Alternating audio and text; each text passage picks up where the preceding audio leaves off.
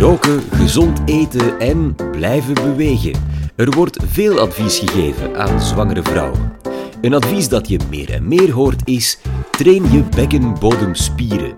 Wat bekkenbodemspieren zijn, hoe je die traint en waarom niet alleen zwangere vrouwen dat zouden moeten doen, hoor je van professor Hedwig Neels. Waarom zijn bekkenbodemspieroefeningen niet alleen belangrijk voor zwangere vrouwen? Dit is de Universiteit van Vlaanderen. Je bekkenbodem. Weet jij eigenlijk wel wat je bekkenbodem juist is? Klein beetje, maar niet echt helemaal precies. Wel, voel je zeker niet alleen. Uit onze eigen wetenschappelijke studies blijkt heel duidelijk dat veel mannen en vrouwen weinig kennis hebben over die bekkenbodem en niet juist weten hoe die exact te gebruiken. En vaak pas informatie gaan zoeken als ze al problemen gekregen hebben en het dus eigenlijk al een klein beetje te laat is. Net daarom ben ik mijzelf als kinesitherapeut en postdoctoraal onderzoeker daar ook zo in beginnen verdiepen. Mijn eigen specialisatie gaat meer naar de vrouwelijke gezondheidszorg, maar weet heel goed dat dit ook informatie is die ook belangrijk is voor mannen en voor kinderen, want we lopen allemaal met een bekkenbodem rond en moeten die allemaal dagelijks gebruiken. Wel, wat is dat nu eigenlijk, die bekkenbodem? Je bekkenbodem is als een soort trampoline. Vergelijk het met een trampoline die vasthangt in het beenderige bekken. Je beenderige bekken bestaat uit twee bekkenvleugels die samenkomen achteraan in het heiligbeen, onderaan doorlopen naar het staartbeentje en van voor heb je dus het schaambeen. Maar de bekkenbodem bestaat ook uit bindweefsel, fascia en ligamenten. Dat is eigenlijk het weefsel dat je kan gaan vergelijken met het ophangsysteem van de trampoline of de rekkers die de trampoline opgespannen houden. En natuurlijk lopen er ook zenuwen, bloedvaten en venen door. En hebben we door die bekkenbodem drie openingen. Als vrouw hebben we drie gaatjes door de bekkenbodem lopen.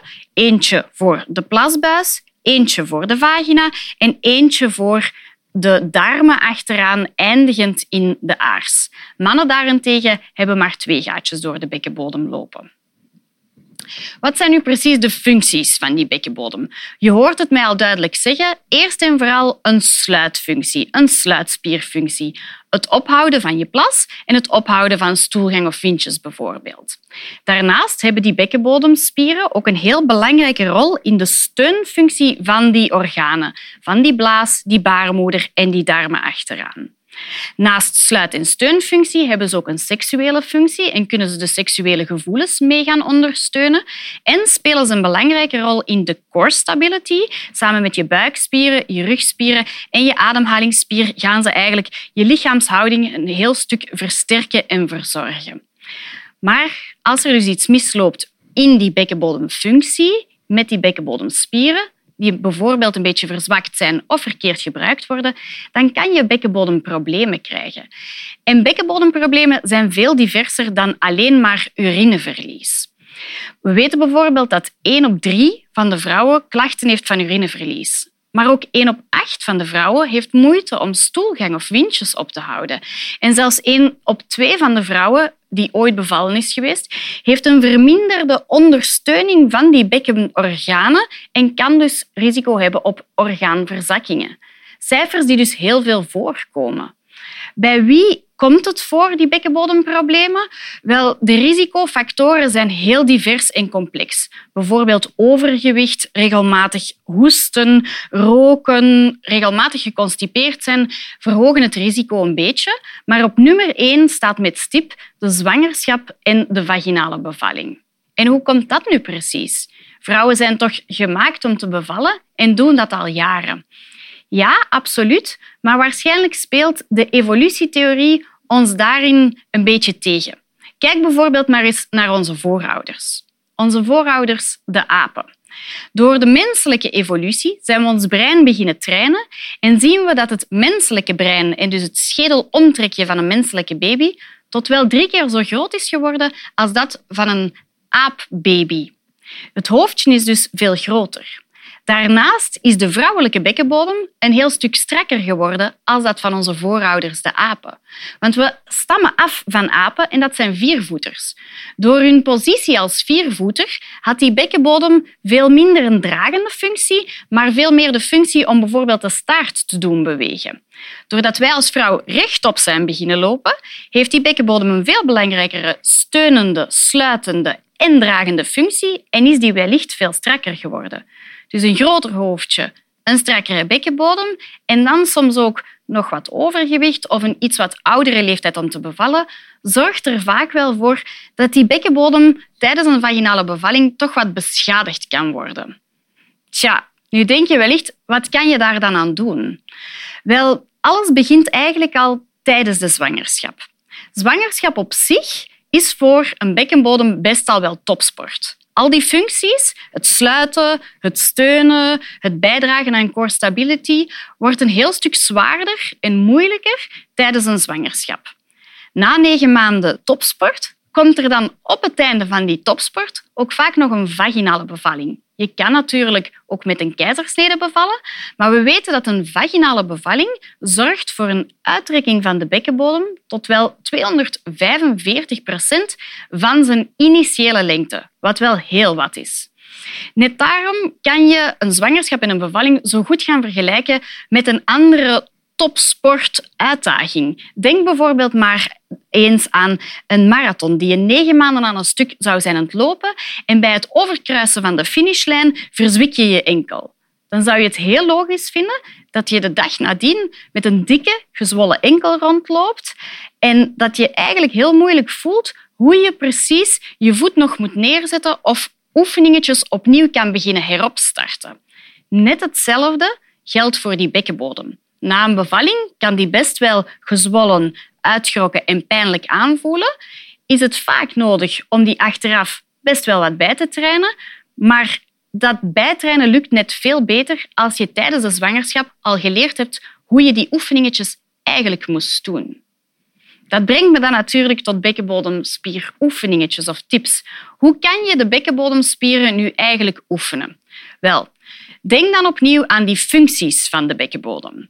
Als we die functies willen bereiken, moet een bekkenbodem eigenlijk een opwaartse, liftende en sluitende beweging gaan doen.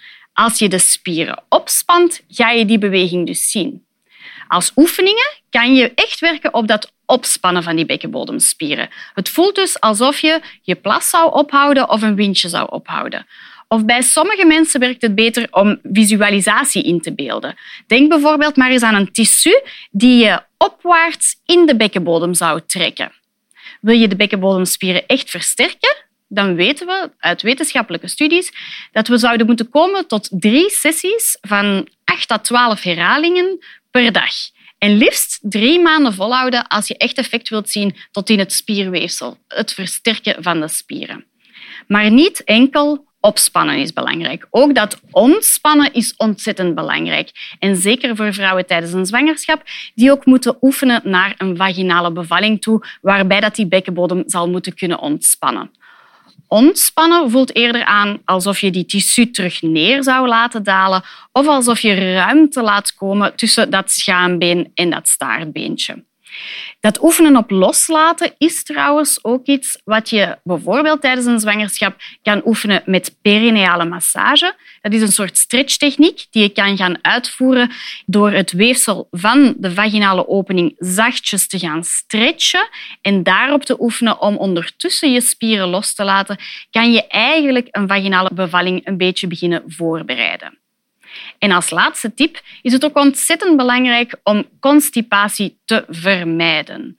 Denk daarom aan voldoende drank, voldoende vochtopname, vezelopname, voldoende gezonde fysieke activiteiten en vooral ook een houding op de toilet is superbelangrijk. Een goede houding, knieën iets hoger als de heupen en voldoende ontspannen om de stoelgang vlot naar buiten te laten schuiven. We dragen daar in dat bekken al genoeg gewicht. Al die tips zijn superbelangrijk. Maar geven die nu een garantie op de ideale, perfecte, pijnloze bevalling? Nee, absoluut niet. We hebben geen succesrecept waarmee je die ideale bevalling kan bereiken. Iedere vrouw is uniek en iedere bevalling loopt ook iets wat anders en is vaak een verrassing voor ons allemaal.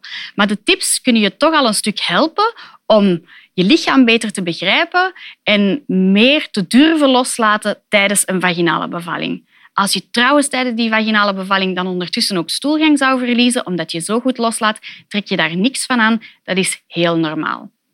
En vergeet vooral ook niet, al deze tips zijn dus zeker ook belangrijk voor vrouwen die met een keizersnede zouden bevallen. Want denk terug aan die topsport die je negen maanden lang eigenlijk al was aan het doen met die bekkenbodem. En dat brengt me dan uiteindelijk opnieuw tot de hamvraag van dit hoorcollege. Waarom zijn bekkenbodemspieroefeningen niet enkel belangrijk voor zwangere vrouwen? Wel, voor zwangere vrouwen zijn ze zeker belangrijk en zal het een troef zijn als je ze hebt leren begrijpen en hebt leren ontspannen tijdens de zwangerschap. Maar eigenlijk zijn al deze tips en oefeningen heel nuttig voor iedereen. We hebben allemaal een bekkenbodem en moeten er ons hele leven verder mee rondlopen. En soms heeft die bekkenbodem wel wat extra training nodig.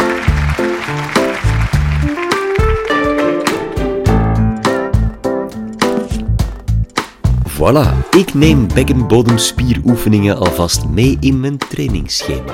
Graag tot een volgende keer.